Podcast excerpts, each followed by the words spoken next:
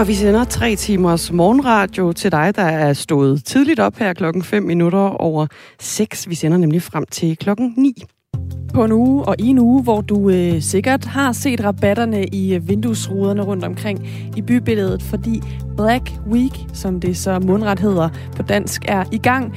Og hvis du skal ud og bruge penge, så sidder der nok nogle butiksejere og takker dig ekstra meget i år. For det er normalt nu her, at butikkernes omsætning plejer at skyde i vejret, og man ligesom skal sikre omsætningen. Men med dyre elpriser, coronalån, der spørger i baggrunden og skal betales tilbage, så er det mere nødvendigt for dem med indtjening end nogensinde før. Men samtidig med det, så lander Black Week og Black Friday, som er i morgen, lige midt i en inflationstid og en tid med stigende energiregninger for danskerne. Det skal vi dykke ned i her til morgen, og vi gør det første gang om et kvarters tid, hvor vi taler med en virksomhedsejer. Forskere har i et nyt studie fundet øh, en stærk sammenhæng mellem udmattelse med coronarestriktioner og politikerlede. Bag studiet står blandt andre Michael Bang Petersen fra Aarhus Universitet, og ham har vi med igennem klokken 25 minutter i syv, hvor vi taler med ham om, hvilke konsekvenser hårde restriktioner kan have over for vores tiltro til landets politikere. Det er ikke kun i de små hjem, at det for tiden er nødvendigt at skrue ned for varmen i lyset af energikrisen. Landets kirker er også nået dertil nu, hvor man tager nogle utraditionelle metoder i brug for at få sparet på varmeregningen. Og et af de eksempler, nogle af de krumspring, man gør for at kunne betale varmeregningen, skal vi dykke ned i klokken kvart i syv, hvor vi taler med en af de kirker, der skærer ned. Du stod tidligt op med Anne Philipsen og Dagmar Eben Østergaard, og sms'en den er naturligvis åben. Det er den som altid. Det er bare at sende sine inputs, spørgsmål, kommentarer til det, du hører, til vores nummer 1424. Regeringsforhandlingerne, dem skal vi selvfølgelig også omkring her til morgen, fordi de går nu ind i en øh, ny og mere seriøs fase. Det fortalte den fungerende statsminister og kongelige undersøger Mette Frederiksen på et kort pressemøde i går. Nu fortsætter forhandlingerne så i et mere intensivt forløb. Øh, og det bliver et forløb, hvor de partier, som enten kan se sig selv i en bred regering, eller i et mere forpligtende samarbejde med en bred regering, kommer til at indgå. Det står nu klart, at enhedslisten, Alternativet og Nye Borgerlige er ude af forhandlingerne. Men en lang række partier, de skal fortsat mødes med Mette Frederiksen ved forhandlingsbordet. Og en af dem, der er stadig med i forhandlingerne, det er René Christensen. Godmorgen. Godmorgen. Fungerende næstformand for Dansk Folkeparti. Hvorfor er øh, dit parti stadig med i forhandlingerne? Jamen det er vi jo, fordi at øh, man kan sige, de ting, vi har talt om indtil videre, øh, der er i hvert fald ikke noget, der har gjort, at øh, vi hverken havde lyst til at løbe ud af lokalet, eller vi blev heller ikke skubbet ud af lokalet. Øh, og så bliver det jo interessant nu, hvor vi kommer sådan tættere på kernen. Og så skal man jo også huske, at en regeringsdannelse er jo noget andet end at lave for eksempel en finanslov. Altså det er jo ikke sådan nede i enkelte tal, det er sådan de store rammer, der bliver tegnet for, hvordan Danmark skal regeres de næste fire år. Og hvad er det for nogle store rammer, som gør, at I stadig bliver i lokalet? Jamen, vi har jo talt en del om, hvad hedder det, klima, miljø og natur, øh, og, øh, og der havde vi jo nogle ting med, og det bliver der taget sådan set rigtig godt imod, altså hvor vi jo nævnte sådan noget som eksempelvis vindmølleloftet. Det er jo noget, vi har fået ind, altså hvor mange vindmøller der må være på land.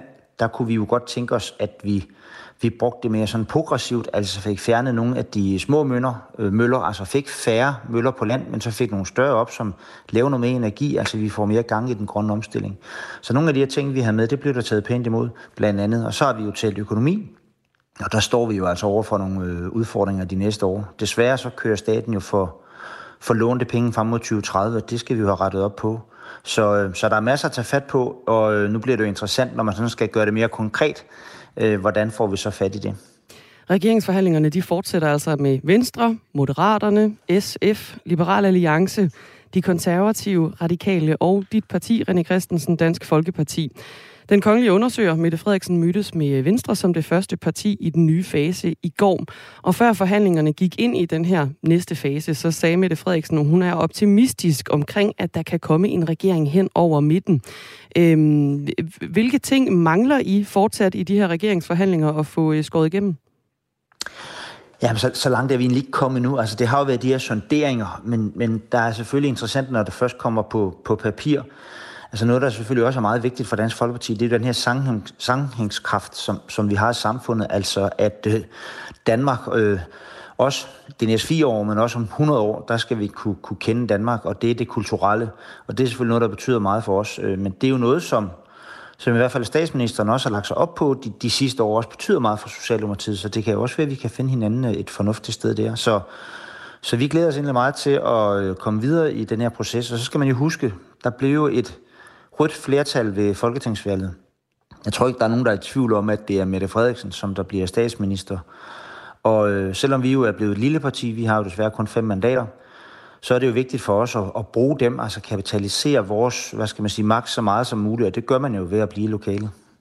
Ja, altså forhandlingerne, de går jo fra sonderinger nu til, til egentlige forhandlinger, dem er I stadig med til. Kommer I til at stille sådan mere klare krav til Socialdemokratiet nu? For eksempel også, øh, om, om ældre skal have flere penge, det er jo også en af de ting, I går meget op i Dansk Folkeparti. Ja, det gør vi. Øh, vi går meget op i, at vi har en øh, værdig ældrepleje. Men der igen, der tror jeg, man skal passe på med at, øh, at blande sådan, hvad skal man sige, enkeltsagen, i hvert fald når man taler øh, økonomi. Selvfølgelig kan man godt have nogle formuleringer omkring, at vi skal have en værdig ældrepleje i Danmark og de her ting. Øh, men pengene, det er sådan en debat, man tager i en, øh, en finanslov. Altså det her, det er de store rammer, der skal laves for, hvordan skal Danmark styres øh, de næste fire år, hvis valgperioden bliver så lang, men, men i hvert fald de næste fire år. Øh, og, øh, og det er det, man bruger øh, det her forhandlingsrum til. Men, men, men det kunne sagtens være noget, som, øh, som vi tog med. Altså velfærdssamfundet er, er vigtigt for os. Noget andet, som også kunne være vigtigt for os, det er jo så noget som øh, hele den debat, der har været omkring øh, jobcentrene. Altså vi vil meget gerne have, at øh, vi har desværre mange ledige i Danmark, ikke så mange ledige på, på A-kassen, og måske de stærkeste ledige, men vi har desværre mange ledige, som har andre udfordringer. Opkvalificering, de her ting, få flere med i fællesskabet, det er jo også nogle ting, der, der betyder noget for os. Men hvad, hvad er det konkret, der, der, der er det vigtigste for jer at sætte en retning for, for Danmark i, øh, i en kommende regering? Ja, man må sige, at det vigtigste for, for Dansk Folkeparti er jo, at vi har et land, hvor der er sammenhængskraft i. Altså, øh, og der og må hvad, vi sige, hvad vil det sige? Jamen det vil jo sige, at vi kan jo faktisk også se det nu. Nu har der været, der har ikke været ret stor tilstrømning fra ikke-vestlige lande i en årrække, og det har været rigtig godt. Vi er gået fra at bruge 33 milliarder om året i udgift på ikke-vestlig indvandring. Nu er vi faktisk kommet ned på 31 milliarder. Det er stadigvæk et abnormt stort tal, men det viser jo faktisk, at antallet betyder noget. Så det her med, at der har været bremset hårdt op i forhold til muslimsk indvandring, det betyder faktisk også, at vi har været bedre til at integrere dem, som faktisk er her. Øh, der er jo en øh, hel masse mennesker, som har fået ophold i Danmark, har lovligt ophold og ikke bare kan sendes hjem, der bliver man simpelthen nødt til at få, få dem til at blive en del af, af fællesskabet, så vi ikke får de her parallelsamfund og, øh, og andre udfordringer i forhold til det. Så det er i hvert fald noget, der, noget, der betyder noget. Og så har vi selvfølgelig også det her med, at øh, Danmark skal være en nationalstat, og derfor skal vi også øh, udfordre EU-systemet meget mere. Vi skal også udfordre konventionerne øh, mere i forhold til, at vi selvfølgelig også skal være her i eget hus. Det er utrolig vigtigt for, for et land, at man kan være det. Øhm, og det glæder os selvfølgelig også til. Vi har fået en sms, øh, som ligger op til et, øh, et væsentligt spørgsmål mm. i øh, de her regeringsforhandlinger. Der er en lytter, der spørger, vil DF ligge afgørende mandater til en regering med Mette Frederiksen som statsminister? Der er vi slet ikke kommet til nu. Altså, man, man kan sige det sådan, der er tre måder, man kan være, være Folketinget på. Man kan være regering, man kan være støtteparti, og man kan være opposition. Og der skal man gøre regnebrættet, hvad hedder det, op til sidst. Ja, hvad vil I helst? De har vel snakket om det? Ja, det, nej, altså, nej, nej, altså politik handler jo, det er jo det, der tit går galt i politik, fordi øh, jeg har jo sådan set prøvet at være med et parti, der har været stort, og så blev man bange for at blive lille. Men politik handler jo faktisk om indflydelse. Altså, Dansk Folkeparti er jo i Folketinget, fordi vi gerne vil øh, være med til at, hvad skal man sige, styre Danmark det hen, hvor vi gerne vil have Danmark hen. Men I får vel øh, størst indflydelse ved at gå med i en regering? Gør I ikke det? Og der er ingen tvivl om, at den største indflydelse, man kan få, det er at sidde en regering. Men det skal jo så også være en regering, der har et regeringsgrundlag, der gør, at man kan regere for det, man gerne vil, hvis du kan følge mig. Altså, vi kunne jo ikke sidde en regering, hvor der står på øverste linje, at øh, vi skal have mere og mere EU. Øh, konventionerne er kommet for at blive øh, bla bla bla. Altså, vi skal have åben indvandring. Altså, så har man jo ikke magt i en regering. Man har jo kun magt i en regering, hvis man også kan regere ud fra de holdninger, som man har som parti. Øh, men der er ingen tvivl om, at øh, magten ligger i, øh, i regeringen, og så ligger den hos støttepartierne, og til sidst så ligger den hos øh, oppositionspartierne. Og magten det, ligger det er også sådan, magten er fordelt. i mandaterne. I Dansk Folkeparti, der har I fem mandater at forhandle med mm. efter det her valg. Øh, øh, som i hvert fald vil søge indflydelse for, og måske jo også prøve at komme i regering med. Det står ikke helt klart endnu, øh, René Christensen. Efter øh, valget i 2015, der var I det største borgerlige parti, men der gik I ikke med i en regering. Øhm, øh, hvad har ændret sig siden dengang? Ja, nu er jeg desværre ikke en, en del af ledelsen dengang, øh, men det har jo øh, rigtig mange af os, og det er jo også en af de udfordringer, som vi har haft som parti siden 2015, at vi er gået fra 37 mandater til 5 det er jo, at man ikke tog magten engang, fordi der var jo et blot flertal. Altså, det var jo en anden konstellation, eller der var et blot flertal. Altså, Dansk Folkeparti kunne simpelthen bestemme, hvem du skulle være statsminister. Det kan vi absolut ikke gøre i dag. Øh, og så fik man ikke øh, kapitaliseret de 37 mandater ret godt. Øh, og det, øh, det har vi jo i hvert fald lært af. Altså, når man kan tage magten, så skal man altså tage den. Øh, og vi er der ikke for Dansk Folkeparti's skyld, vi er der sådan set for danskerne og Danmarks skyld. Øh, og det har vi i hvert fald lært af den lektie. Eller jeg har i hvert fald, og det har resten af den folketingsgruppe, som, som sidder nu, og den ledelse, der er i partiet nu. Altså, vi er der for at præge Danmark, og det har vi gjort rigtig, rigtig flot øh, op igennem nullerne. Øh, og så... Øh, har vi desværre skudt ved siden af skiven der i 15, men øh, det kan vi selvfølgelig rette op på. Og, og så skal man også det her huske, skud ved siden at... af skiven i, øh, i 15, er det erfaringer, der får jer til at være mere åbne for at gå i regering i den her omgang? Det er i hvert fald øh, et skud, som gør, at, øh, at det at, at få magten, eller tage magten, øh, det, det skal man gøre, for det er der, det, indflydelsen den ligger. Øhm, og, og vi kan jo se, at øh, når vi har siddet i nogle gode positioner, hvor vi har været støtteparti for en, øh, en homogen regering, blå regering, som har fungeret, jamen så har vi også fået masser af vores politik igennem, øh, og det har været rigtig godt. Altså, nu talte vi før om, at øh, nu var vi begyndt at spare, fordi vi havde ført en stram udlændingepolitik. Jamen, den er jo alene ført, øh, fordi Dansk Folkeparti har ønsket det, øh, og det er vi da rigtig, rigtig stolte af. Men vi har jo også mange andre områder. Vi var også stolte, da vi fik en værdighedsmilliard til ældreområdet. Vi har fået mere værdighed derude. Men der er jo rigtig mange andre, andre områder, hvor vi gerne vil, vil føre politik også. Forhandlingerne de er altså gået ind i en, øh, en ny fase, i den næste fase, og det er en forhandling om en bred regering i den her omgang. Tror du på, at en bred regering kan blive en realitet? Jeg håber på en bred regering, øh, fordi at det er sådan set det, det, der er brug for, når man kigger på de øh, udfordringer, men bestemt også muligheder, som, som ligger for Danmark de næste år, så, så skal man passe på, at vi ikke får sådan for ting, hvor det, hvis de i citationstrang røde siger noget, så skriger alle de blå. Og citationstrang, hvis de blå siger noget, så skriger alle de røde. Øh, der er faktisk brug for, at vi får truffet nogle øh, ret vigtige beslutninger, både i forhold til forsvar, øh, i forhold til den grønne omstilling, i forhold til beskæftigelse, og så også i forhold til økonomi. Økonomi er altid kedeligt at tale om, men det er jo faktisk det, der betyder noget for dig og mig og alle andre. René Christensen, du skal have god fornøjelse med de fremtidige forhandlinger. Jamen, vi ser frem til dem. Fungerende næstformand for øh, Dansk Folkeparti, der altså stadigvæk er med i øh, regeringsforhandlingerne, som er gået ind i en øh, ny fase, var meldingen fra statsminister Mette Frederiksen i går. Senere på morgenen klokken cirka halv otte, der taler vi med Pernille Vermund, som er formand for Nye Borgerlige, og spørger, hvorfor de har forladt forhandlingerne. Og klokken halv ni cirka, der taler vi med politisk redaktør på Radio 4, Thomas Larsen, om hvad vi kan forvente os af den nye fase her.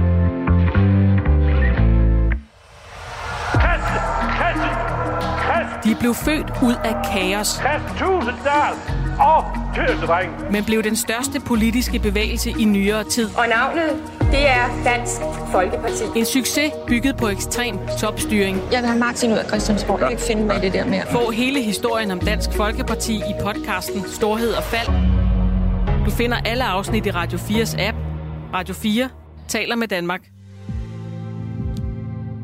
Den her uge, der har man kunne se øh, en hel del sorte skilte med slagtilbud klistret fast på butiksruderne rundt omkring. For det er øh, det, der bliver kaldt Black Week, altså med andre ord en slags tilbudsuge. Og for mange butikker, der er den her øh, uge med rabatter vigtigere end nogensinde før. Faktisk så kan flere butikker, ifølge brancheorganisationen Dansk Mode og Tekstil, ende med at må dreje nøglen om, hvis ikke danskerne er ivrige med øh, dankortet i løbet af den her øh, uge. Fordi med stigende inflation og store elregninger også ude i butikkerne, så er der øh, ikke umiddelbart udsigt til, at der er den store forbrugsfest. Og selvom salgsperioden er blevet forlænget fra en enkelt dag Black Friday til Black Week, som varer en hel uge, så kan mange butikker altså risikere at brænde ind med deres varer. Og når butikkerne er lige så presset som forbrugerne på elregninger og på husleje, så er det en øh, svær øh, udsigt at gå ind i det til. Det kan du ikke genkende til, Jens Opel. Godmorgen. Godmorgen. CEO for modegruppen DK Company. Hvor stor en betydning har det for jer lige præcis i år, at danskerne køber varer under Black Week? Jamen, det har en stor betydning for os, som øh, vi er grossister og har øh, en del brands, og selvfølgelig også nogle butikker, men særligt for vores kunder, den enkeltstående butik, er det utrolig vigtigt. Er det øh, mere vigtigt i år, at folk går ud og køber varer, end det har været de senere år? Ja, det er det jo, fordi at butikkerne er jo ramt af lidt den perfekte storm, kan man sige, at, at de egentlig havde haft det rigtig godt sidste år, altså hvor, hvor væksten har været, det vil sige, at de har købt godt ind med varer til, at den her vækst kunne fortsætte, og så øh, sker inflationen jo, og energikrisen og varmeregningen stiger, der er jo utrolig mange lamper, der skal tændes i sådan en stor butik, når det er. Så, øh, så hvis du putter det oveni, at butikkerne også skulle øh, lave afdrag og de sidste betalinger af de lån, de optog under coronakrisen, jamen så er du tæt ved at have sådan en perfekt storm med for mange varer, for høje omkostninger og for lave omsætning, der er ved alt for stort varelager. Men det handler vel også om, at butikkerne af egen kraft har købt det meget, meget stort ind. Hvorfor har man gjort det? Jamen, det er jo øh, en klassiker, hvis øh, man køber ind til en vækst, så øh, forbruget stopper, eller i hvert fald falder og stagnerer, jamen så, øh, så har du jo for meget, og butikkerne balancerer med en meget, meget lille overskudsgrad. Og, øh, og hvis dine omkostninger stiger markant øh, samtidig med, jamen så, øh, så er det bare ikke nemt at være butik i dag. Hvor stor betydning har sådan en uge som Black Week? Altså, øh, hvad kan konsekvensen være for øh, jer og for butikkerne, hvis, hvis sådan en uge for eksempel ikke giver den indtjening, man havde håbet på? Jamen, øh, hvis vi tager butikkerne, så, øh, så er der bange for butiksdøden, altså at, at de ikke kan overleve. Øh, så, så ved vi, at der er nogen, der kaster håndklæderne. Øh, jeg tog lige tallene ud på, på vores virksomhed, øh, hvor vi sælger for de der små øh, 5 milliarder, og vi kan se, at med alle de kunder, der skylder os øh, rigtig mange penge, så har vi samme dato. Sidste år, der har vi øh, nu her 11 procent mere skyldige, eller større skyldige salgture ude ved vores kunder. Så, så det er allerede nu før, øh, man får klidret nogle varer. Det er det, man bruger øh, Black Friday eller Black Week til. Det er ligesom at få, få noget cash puttet ind i sin, øh, i, i sin forretning og, og få klidret nogle varer, altså få, få, øh, få tøjet skiftet ud til kontanter. Så, øh, så hvis ikke det sker, så, så er det rigtig nervøs for mange butikker. Black Friday, det er jo årets travleste shoppedag. Det er jo et fænomen, der stammer fra USA, hvor butikkerne begyndte at have tilbud dagen efter Thanksgiving, hvor der er mange amerikanere, der holder fri. Og det slog så også igennem her i Danmark i 2015, og er så fortsat op igennem årene. Men der er jo også nogle øh, dystre udsigter til øh, masseshopperiet i år, fordi forbrugertilliden er på sit laveste, siden man begyndte at måle den for 48 år siden. Der er faktisk blevet sat rekord med laveste forbrugertillid hele fem gange i år. Så hvis man skal gå efter de udsigter, så kommer der helt sikkert til at være nogle varer, I ikke får afsat, og det bliver øh, måske heller ikke den uge, som I øh, er vant til, at øh, I kan tjene penge på. Hvad skal der ske med alle de varer, som, øh, og alt det tøj i jeres øh, tilfælde, som ikke øh, bliver solgt? Ja, altså i vores virksomhed, så øh, har vi også købt øh, ind til en større vækst, end det vi ser ind i, og det skyldes øh, selvfølgelig flere ting. Hele logistik, udfordringen, der har været øh, de sidste års tid eller to, øh, og produktionsledet. Så vi har mere liggende på vores lager rundt omkring. Øh, det vil vi øh, lade overvintre, og så når det passer ind i den næste sæson, så vil vi prøve at, at sælge, sælge det og realisere det. Så vi er ikke så, vi er ikke så ramte, fordi at vi har gjort det på det, men i, i vores fagsprog kalder no-svar og rerun, altså styles, der kører i længere tid. Det er værre for dem, der har sæsonvarer, og det, det er butikkerne. Og de er i sidste ende tvunget til at lade det overvintre. Hvad kunne I have øh, gjort for at forebygge det her? Altså, øh, var der slet ikke nogen øh, tegn på, at det her det kunne ende med at gå øh, ned ad bakke i forhold til den vækst, I så, da I købte ind? Du må ikke høre mig sige, at, øh, at det er andres skyld, øh, det der er sket her. Det, det er det aldrig. Man er altid ansvarlig for sin egen forretning og hvordan man driver det. Og derfor er jeg selvfølgelig ikke overhovedet nervøs for, for vores forretning, fordi vi har styr på, at, at det eneste, der sker, det er, at vi har en større kassekredit, at vi, vi bruger flere penge på, på vores varelager. Det der er med butikkerne, det er lige så meget, ikke bare at de har ekstra vareliggende og skal give større rabatter, når konkurrencen er jo der ved høre hårdere, som du selv siger, at der aldrig har været så lav i et forbrugertillid, jamen så, øhm, så bliver man nødt til at reducere varerne til lavere pris for at få det, få det solgt ud. Og den er hård sat sammen med de høje energiregninger, sat sammen med hele inflationsdelen, og så at du skulle tilbage, eller mange af dem har skulle tilbagebetale øh, corona-lån. Så, så det er rigtig meget på én gang, der rammer butikkerne.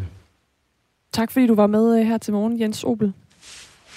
Det var så lidt. CEO ved DK Company. Og øh, vi har også haft vores reporter Morten Nørbo på gaden i Aarhus for at spørge folk, om de skal ud og bruge nogle penge i de her dage. Og øh, der var ikke sådan lige umiddelbart udsigt til, at ret mange går med planer om at skulle have en masse penge op af lommerne. Bare høre, hvor mange penge kommer du til at bruge Black Friday? Øh, ikke noget udover, hvad jeg vil købe ellers. Så Hvor, ikke noget. Hvorfor ikke?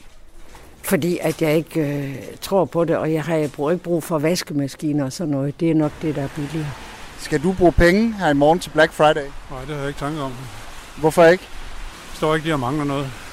Øhm, hvad hedder det? Butikkerne, de er jo også presset af energipriserne, så de har også købt stort ind. Tænker du over det? Ja, ja, det kan, det kan man ikke undgå andet jo, men øh, som sagt, behovet skal være der også. Bare høre, skal du bruge penge på Black Friday? Ja, Måske lidt. Jeg, øh, ikke fordi jeg, jeg, altså, jeg ikke giver mig selv lov, men øh, man ved jo også godt, at, at meget af det, det, det lokker. Ja. Så øh, jeg skal bruge lidt penge, men øh, prøver også at holde mig tilbage. Hvad for noget skal du så bruge penge på?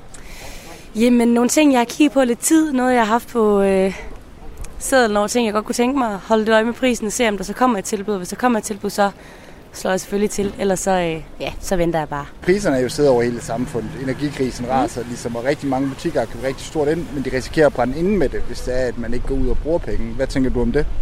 Ja, altså nu arbejder jeg selv i en butik også, og ved også godt, at, øh, hvor meget man har behov for kundernes ja, omsætningen derfra. Så øh, det, altså, det betyder selvfølgelig meget, at, øh, at folk gider gå ud og købe penge, men jeg forstår også godt, at folk holder på dem. Det gør jeg jo også selv. Øhm, ja, herop til, til jul og sparetider og ja, skal du bruge penge her på fredag til Black Friday? Jeg har faktisk ikke lige tænkt over det over Black Friday på fredag. Men måske, hvis, der, hvis jeg lige øh, er inde og shopper og ser et eller andet, jeg skal bruge. Rigtig mange butikker har jo købt stort ind her til Black Friday. Øh, de er jo også presset. Tænker du over det? Nej, tænker jeg ikke over. skal du bruge penge til Black Friday? Nej, det skal jeg ikke. Hvorfor ikke? For det går ikke så højt op i. Så øhm, jeg tager ind til byen, når jeg har lyst. Ikke på grund af, at der er et eller andet. Så, så det skal jeg ikke. Der er jo rigtig mange butikker, der har købt meget ind, og de er jo også presset nu, hvor energipriserne er steget. Er det noget, du tænker over? Ja, sådan op og ned, ikke? Og, altså, det gør mig da ondt, der er nogen, der ikke kan klare sig, ikke? Også, altså, det er da ikke rart, vel? Men vi skal jo alle sammen bare spare, ikke? Og, og så, ja, det er trist, ikke? Hvor samfundet er blevet sådan. Det synes jeg. Skal du bruge penge til Black Friday? Ja, jeg skal nok ud og købe nogle julegaver, tror jeg. Men mere skal jeg nok ikke bruge penge på, nej. har du noget øh, sådan specifikt? Mm, jeg må indrømme, jeg har ikke rigtig været inde og kigge på det nu. Det er ikke lige den dag, jeg går allermest op i, så ikke rigtigt. Der er også rigtig mange butikker, der har købt meget, meget stort ind, og de er også ramt af energikrisen. Er det noget, du tænker på? Ja, jeg tænker da klart på at gå ned i butikkerne og købe, i stedet for at købe på nettet især også når man bor i Aarhus, så det er nok den tilgang, jeg tager nærmest. Så det, var der altså flere på øh, gaden i Aarhus, der øh, fortalte til vores reporter Morten Nørbo.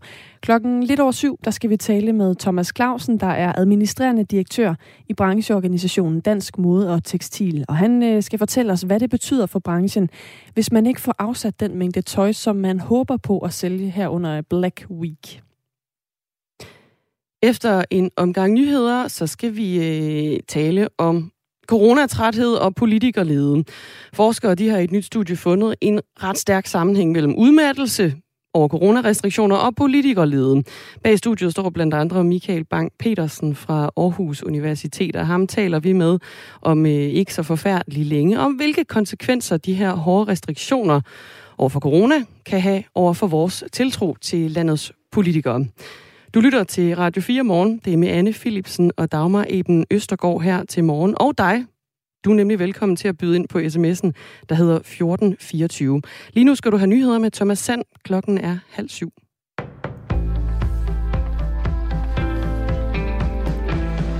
Inflationen har presset danskernes husholdningsbudgetter i bund, og det mærker man også hos Dansk Folkehjælp, der nu har lukket for ansøgninger om julehjælp. Knap 19.000 familier bestående af en enlig forsørger på overførselsindkomst med et eller flere hjemmeboende børn har lagt billet ind på julehjælpen. Det er knap 2.000 flere end sidste år. Men ligesom markant er det, at 23 procent af ansøgerne aldrig tidligere har ansøgt om julehjælp, fortæller Peter Torning, der er konstitueret generalsekretær der er simpelthen pres på i forhold til øh, inflationen. Det betyder for de konkrete ansøgere, at øh, de kan jo bare mærke, at de får det samme nede i supermarkedet for 100 eller 200 kroner, som de fik sidste år. Når du så dertil lægger, at øh, de får varsling om øget varmeregning og elektricitetsregning, så er det klart, at det er noget, der kan være med til at stresse folk.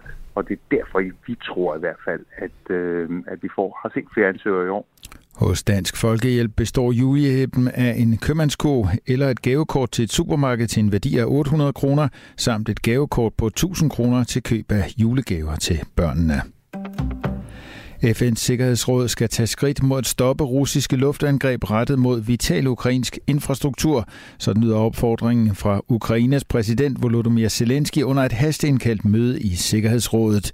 I går dræbte en stribe russiske missilangreb mindst fire i den ukrainske hovedstad i Kiev, og forårsaget enorme strømsvigt. Store dele af hovedstadsområdet, hvor der bor omkring 3 millioner mennesker, er uden strøm og vand. Zelensky fortæller, at både hospitaler, skoler, transportnettet og boligområder er blevet ramt. Kinesiske myndigheder har beordret coronanedlukning i flere distrikter i byen Chengdu i kølvandet på voldelige protester. Beboere i centrum af byen må ikke forlade området, medmindre de kan fremvise en negativ coronatest og tilladelse fra de lokale myndigheder. De rådes desuden til ikke at forlade deres hjem, medmindre det er nødvendigt. Det oplyser det lokale bystyre ifølge nyhedsbruget AFP. Meldingen kommer efter, at der er udbrudt store protester på Apple-leverandøren Foxconns iPhone-fabrik i byen, der har mere end 200.000 ansatte. I går smadrede mænd overvågningskameraer og vinduer, da hundredvis af ansatte demonstrerede på fabrikken. Urolighederne er udløst på grund af påstande om forsinket løn og frustration over strenge covid-19-restriktioner. Formanden for den brasilianske valgdomstol har afvist en klage fra afgående præsident Jair Bolsonaros parti om at udfordre valgresultatet fra oktober. Det viser et retsdokument ifølge nyhedsbruget Reuters. Dommeren har afvist klagen fra Bolsonaro, der med en snæver margen tabte præsidentvalget til Luis da Silva, ofte blot kaldet Lula. Dommeren har desuden idømt partiet partierne i Bolsonaros koalition en bøde på knap 23 millioner brasilianske real, cirka 30,6 millioner kroner for at handle i ond tro. Tidligere på ugen indgav Bolsonaro en klage til landets føderale valginstans. Det gjorde han, fordi han bestrider valgresultatet. I samme ombæring bad han myndighederne om at slette stemmer, der er afgivet elektronisk. Den stærkt højreorienterede Bolsonaro begrundede ifølge nyhedsbruget AP sit ønske med en softwarefejl, som uafhængige eksperter dog tidligere har slået fast ikke har påvirket resultatet. En 6-årig dreng er blevet reddet fra murbrokkerne efter et jordskæld, der ramte Java i Indonesien mandag. Drengen har ligget under murbrokkerne i to dage uden mad og vand, og redningen af ham beskrives som et mirakel. Den dramatiske redningsaktion er blevet fanget på kamera og skaber håb om, at overlevende fortsat kan reddes fra murbrokkerne. Jordskælvet i Indonesien har kostet mindst 271 livet. Overvejende skyder diset vejr med regnhister her, men der kan en overgang komme lidt sol i Vestjylland. Vi får temperaturer i dag mellem 3 og 8 grader.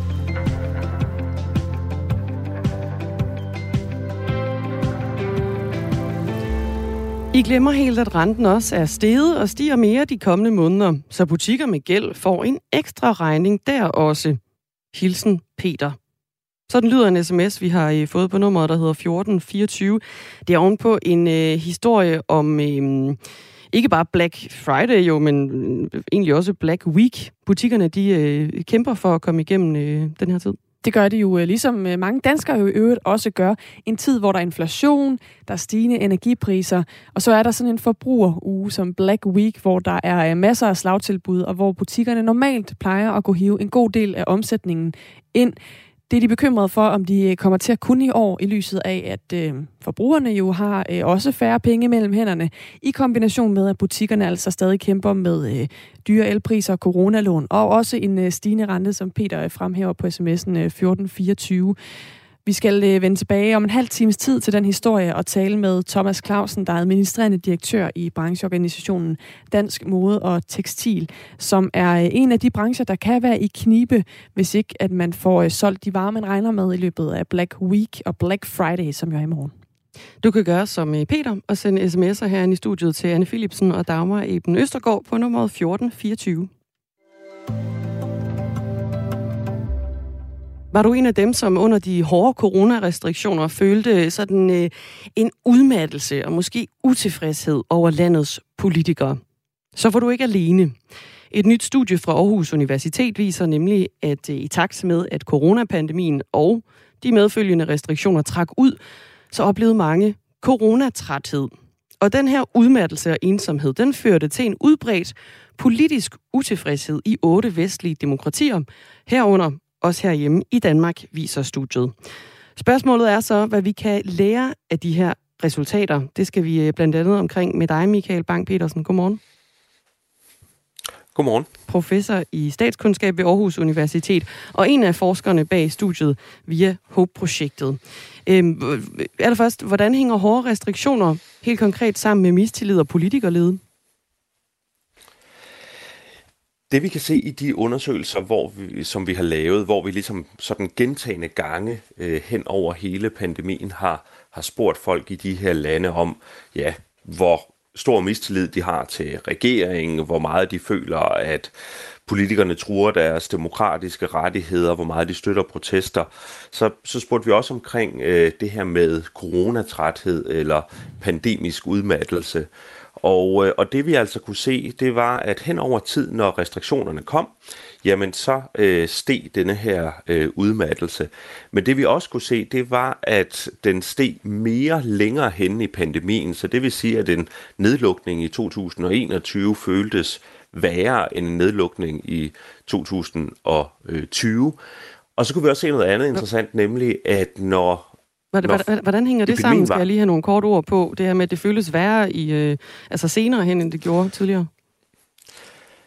Jamen, den måde, man skal forstå det her øh, coronatræthed på, det er, at det handler om, hvad er det for nogle omkostninger, der er ved at overholde restriktionerne. Og, og de omkostninger, de, øh, de føles simpelthen værre længere hen i, øh, øh, i forløbet, fordi så har man ligesom betalt øh, i forhold til dem i lang tid. Og det, det er specifikt oplevelsen af ensomhed, som er med til at, øh, at, at tære på os. Så når vi sidder der alene hjemme og ikke har set nogen øh, venner og noget familie, ikke bare i en måned, men i to måneder, jamen så er det, det begynder at blive rigtig, øh, rigtig slemt. Og hvad, hvad betyder det konkret, øh, at den her øh, coronatræthed fører til politikerlede? Hvad for nogle konsekvenser får det?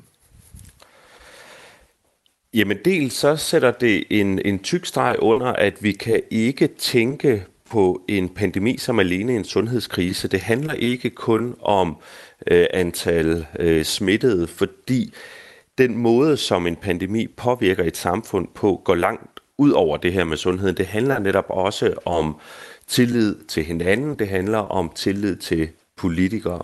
Så, så det understreger lidt, hvad det er for en type af krise, vi har været igennem. At selvfølgelig handler det om sundhed, men det har også handlet om rigtig mange andre ting. Studiet her, det er en del af HOPE-projektet, som øh, løbende under pandemien har fulgt med i borgernes adfærd, og det har vi også talt rigtig meget med dig om, øh, Michael Bang-Petersen. Øhm, det udfører det her studie ved, at forskerne under pandemien har fulgt de otte vestlige lande. Det er Danmark, Storbritannien, Tyskland, Frankrig, Italien, Ungarn, Sverige og USA. Og løbende har I så spurgt borgere i landene om, hvordan de har følt det, og øh, de spørgeskema-svar, de er sammenkædet med, hvad der skete i de enkelte lande på det pågældende tidspunkt. Og studiet er foretaget fra august 2020 til juli sidste år. Øhm, hvordan kommer mistroen mod landets politikere til udtryk hos os? Jamen, det kommer til udtryk på en lang række måder. Øh, det er, at vi får øh, mindre tillid til regeringen, øh, at vi begynder at øh, have større modstand mod de konkrete coronapolitikker, der bliver ført. Men det kommer også til udtryk øh, ved, at man begynder at støtte protester mod coronarestriktionerne, og vi kan også se, at det fører til, at man begynder at tro på konspirationsteorier. Så på den måde, så har det sådan en, en bred vifte af konsekvenser, hvor at, at denne her mistillid altså ulmer på mange forskellige måder. Er det, er det kun i relation til, til corona øh, og coronarestriktioner, man ser den her politikerlede, eller spreder det sig også til, til andre områder? Det, som vi har fokuseret på, er, er det her med, øh, med politikerleden, øh, eller man kan sige sådan generelt øh, mistillid til, til det politiske system. Så, så det er der, vi, vi ved, at, at, øh, at der er en effekt. Men det, der er vigtigt at huske på, det er, at at det her med tillid til det politiske system, det er sådan en, en kerneværdi øh, i øh, demokratiet, som netop påvirker en lang række øh, andre ting. Man kan sige, om du har tillid eller ej, påvirker også om du går ned og stemmer, og det påvirker, øh, hvordan du på forskellige andre måder deltager i det politiske system. Så det er sådan en, en ret vigtig øh, øh, værdi, som, øh, som der er blevet påvirket. Nu til det, øh, som øh, landets politikere jo kan bruge de her konklusioner øh, til fra studiet. Øhm, hvis der skulle blive behov for coronarestriktioner igen, hvad, hvordan kan de bruge det, I har lavet her? Jamen overordnet set, så, så kan man sige, at, øh, at, at nogle af de øh, indsigter, øh, som, som det her studie giver, giver anledning til, dem, dem har man egentlig også har fokus på i en dansk øh, kontekst. Det kan være det her med vigtigheden af hjælpepakker til øh, dem, som, øh, som bliver hårdest ramt. Det kan handle om at prøve at have fokus på det her aspekt øh, omkring mistrivsel og sige, jamen, hvad er det for nogle grupper, som særlig grad vil opleve ensomhed, øh, når vi lukker ned. Øh, det kan øh, også handle om, at man virkelig går ind og prioriterer og prøver at forklare befolkningen, hvorfor er det, at det er vigtigt, at man øh, lider de her afsavn lige præcis nu. Fordi vi kan faktisk se i vores data, at når epidemien er rigtig alvorligt, helt konkret, når der er mange, der dør af corona, så bliver man lidt mindre udmattet. Så når man kan se en mening med, at man sidder derhjemme for sig selv og lider, så kan man faktisk bedre holde det ud. Så det her med at få forklaret virkelig godt, hvorfor det er, at man skal lide de her afsavn, det er ret vigtigt. Og det er, er ting, der ikke bare er relevant for, for Danmark, også øh, for, øh, for de andre lande, øh, som vi har kigget på i vores studie. Ja, nu synes jeg, det blev forklaret ganske grundigt, hvorfor vi havde behov for de her øh, restriktioner under, øh, under corona. Hvad, hvad er det, øh, dem I har øh, talt med, eller fået spørg- spørgeskema svar fra, siger i forhold til kommunikationen øh, fra politikerne? Ja, vi har ikke direkte været inde og spørge dem her omkring øh, kommunikationen, men vi ved fra en masse anden forskning, at, at noget af det, som kan være med til at øh, underminere øh, tilliden mere, det er, hvis du har denne her opfattelse af, at du får ikke hele øh, sådan den, den øh, ubehagelige sandhed øh, vide. Der er ting, der bliver holdt øh, skjult øh, for dig.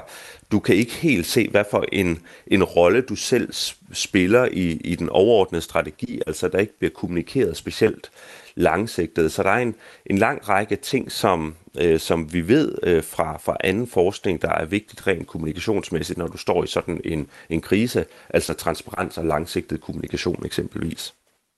Det er altså noget af det, politikerne de kan tage med videre fra det her studie, som du har været med til at lave, Michael Bang-Petersen. Tak fordi du var med. Ja, velbekomme. Professor i statskundskab ved Aarhus Universitet, og også en del af det, der hedder HOPE-projektet. Klokken er 16 minutter i syv. Og du lytter til Radio 4 Morgen, som jo er et øh, nyheds- og aktualitetsprogram, hvor vi øh, også har øh, gjort plads altid til, at vi kan springe på de historier, som morgenen byder på. Og derfor så skal vi dykke lidt ned i maskinrummet nu sammen med dig, Katrine Volsing. Der er en af de reportere, der sidder derude bag øh, skærmene og prøver at finde ud af, hvad vi så skal fokusere på, udover det, vi selvfølgelig har planlagt til i dag. Hvad kigger I på? Jamen, vi kigger på lidt forskelligt. Jeg kan starte med noget lidt tungere, som Mhm. er øh, Færøerne, som øh, der er bred opbakning til, at man fortsætter den fiskeriaftale, man har med Rusland. Selvfølgelig en aftale, der har været lidt kritiseret efter, at de invaderede Ukraine. Øhm, men, øh, men ikke desto mindre, så er- planen altså, at man fortsætter den. Så der jagter vi både et øh, folketingsmedlem for søsterpartiet til Socialdemokratiet, og nu skal jeg virkelig prøve at se, om min øh, færøske accent... okay. Javna du flok, flokkodin. Åh, oh, jeg har ved ikke købt. overhovedet, om den er det rigtigt. Men øh, folketingsmedlemmet øh, der hedder Sjurdur øh, Skåle, og hans parti har altså for nylig skiftet holdning til det her, så det kunne vi godt tænke os at få ham med til lige at forsvare og forklare. Øh, og ellers så, øh, så jagter vi også Jens La- Ladefod øh, Mortensen, som er lektor i handelspolitik ved Københavns Universitet. Han mener, at det er problematisk, at man øh, ligesom hvad Vil man sige? opretholde den her ja, aftale. opret- ja, den har eksisteret siden 77, kan jeg sige, mm. hvis I vil have en lille facts på den. Mm-hmm. Så det var sådan i den lidt øh, ja, tungere ende, og i den lidt mere, hvad kan man sige, noget vi har hvad kan man, stusset lidt over på mm. en sjov måde her til morgen, er, at der er en øh, lokal politiker fra konservativ, der melder sig ud af konservativ nu, fordi at øh, der er kommet et nej til, at der skal være Royal Run i Skagen. Øhm, baggrunden for det her er, at øh, den her politiker, der hedder Thomas Strauss Jensen, han er bestyrelsesmedlem af det konservative Folkeparti i Frederikshavn Kommune. Han har været ude i lokalbladet og øh, tage afstand til øh, gruppeformanden, fordi denne, altså gruppeformanden, har øh, sagt nej til, at der skal være Royal Run i Skagen. Og han siger, og der citerer jeg lige, at det er at gå imod sit partis fælles mål om at forbedre turismen i kommunen. Så øh, vi jagter altså både ham, og så også øh, den her gruppeformand, som han langer ud efter. Et meget øh, konkret eksempel på, hvorfor der nogle gange er nogen, der melder sig ud af partier, som vi gerne vil have øh, sat lidt lys på her til morgen. Ja, det er jo virkelig at tage konsekvensen af et eller andet. Altså det, jeg, jeg undrer mig stadig. Jeg vil rigtig gerne høre, hvad han, hvad han har at sige, faktisk. Så jeg håber meget, at vi får fat på ham. Det håber jeg også. Tak fordi du lige vil give et lille øh, overblik her over nogle af de ting, der forhåbentlig kommer i din radio øh, senere på morgen. Lige nu der er klokken 6.47.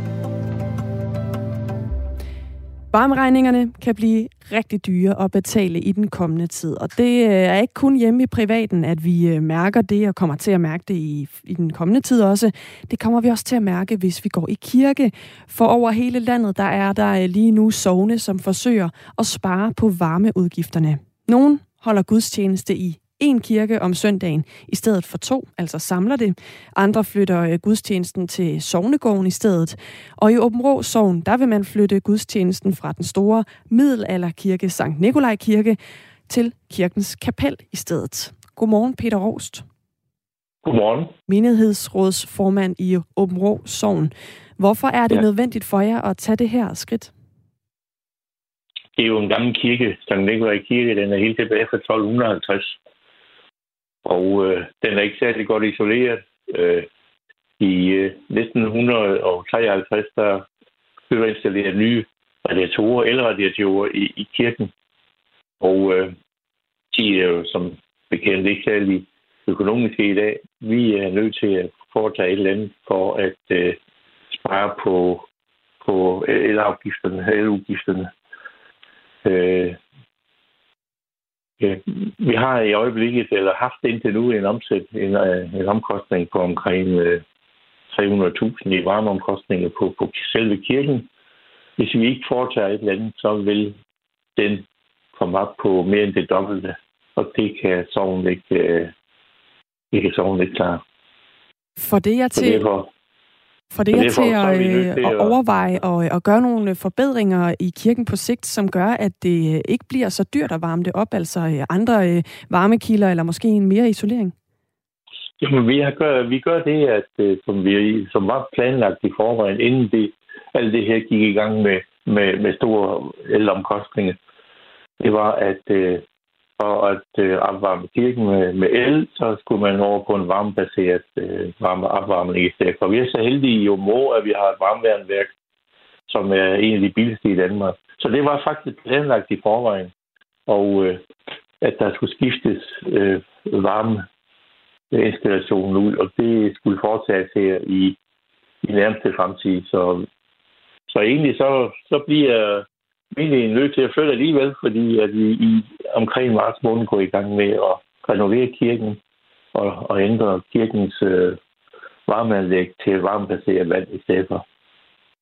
Og det er ikke kun i øh, Åben Rå Sogn, at man forsøger at spare på varmeregningen øh, i øjeblikket. Det gør man faktisk i hele landet, oplyser Folkekirken.dk til os her på Radio 4. Og mens der er øh, nogle steder, som sparer penge ved, som I gør, og rykke gudstjenesten til kapellet, eller i andre tilfælde til sovnegården, så er der også flere sovne, der holder færre gudstjenester. Altså simpelthen skruer ned for mængden. Det gælder blandt andet flere sovne i Viborg Stift, skriver TV MidtVest. Er det en løsning, I også har overvejet, Peter Rost? Nej, vi, øh, vi holder fast ved, at øh, vi holder vores øh, gudstjeneste ved søndag.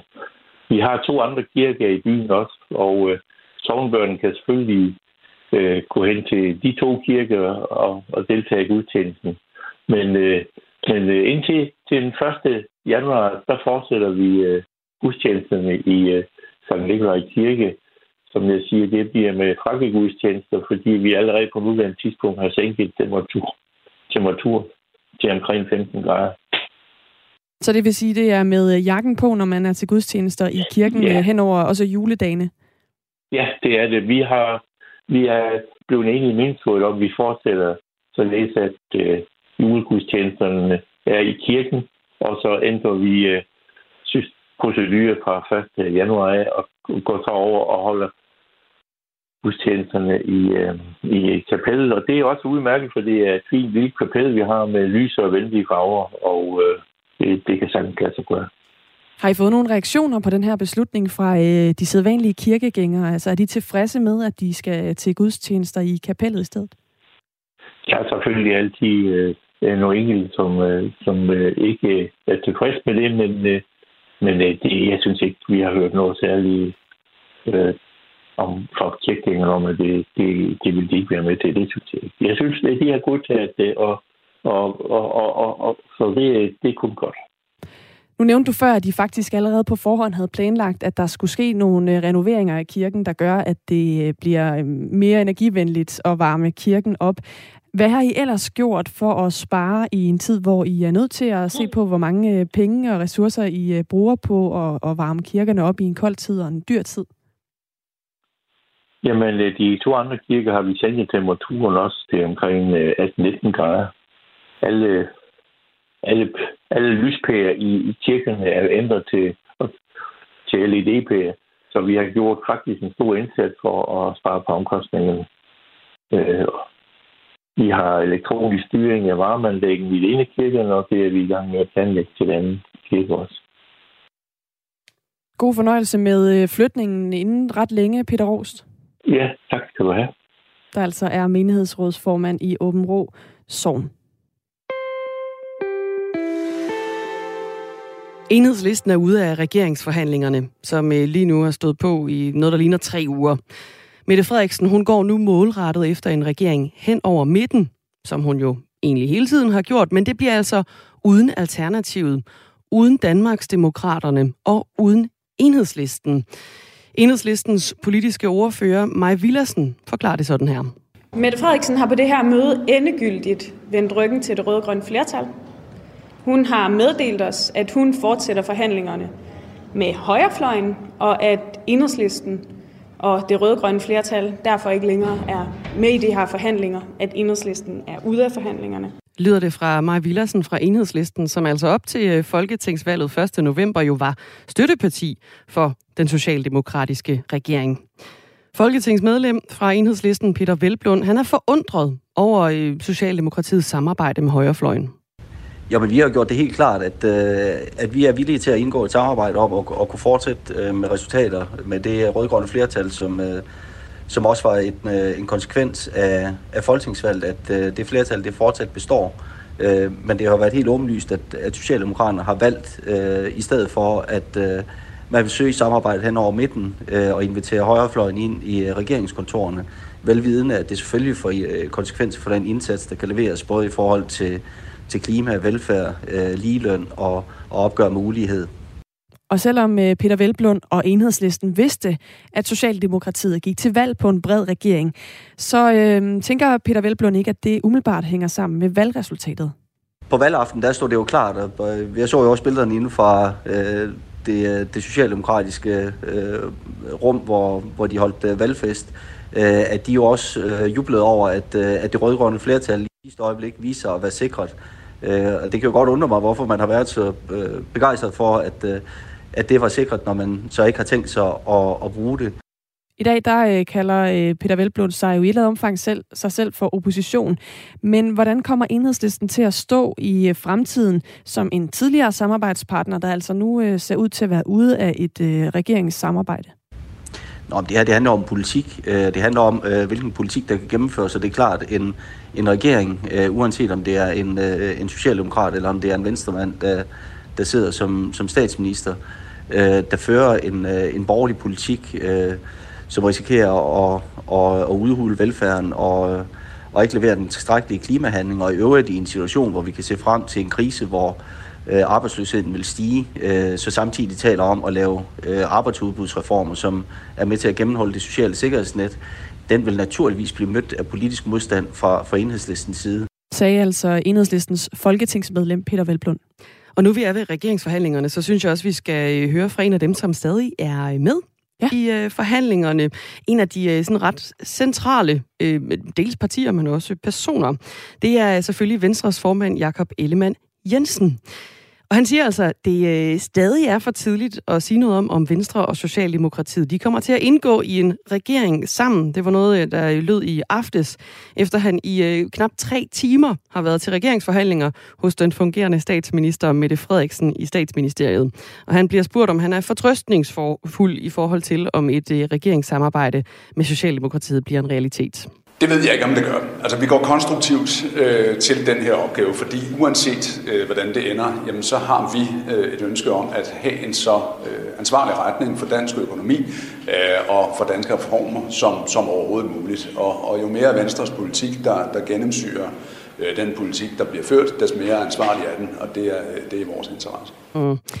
Jakob Ellemann Jensen, han har jo i den seneste tid gjort ret meget ud af mm, hans tillid til Mette Frederiksen, og at den også skal genskabes.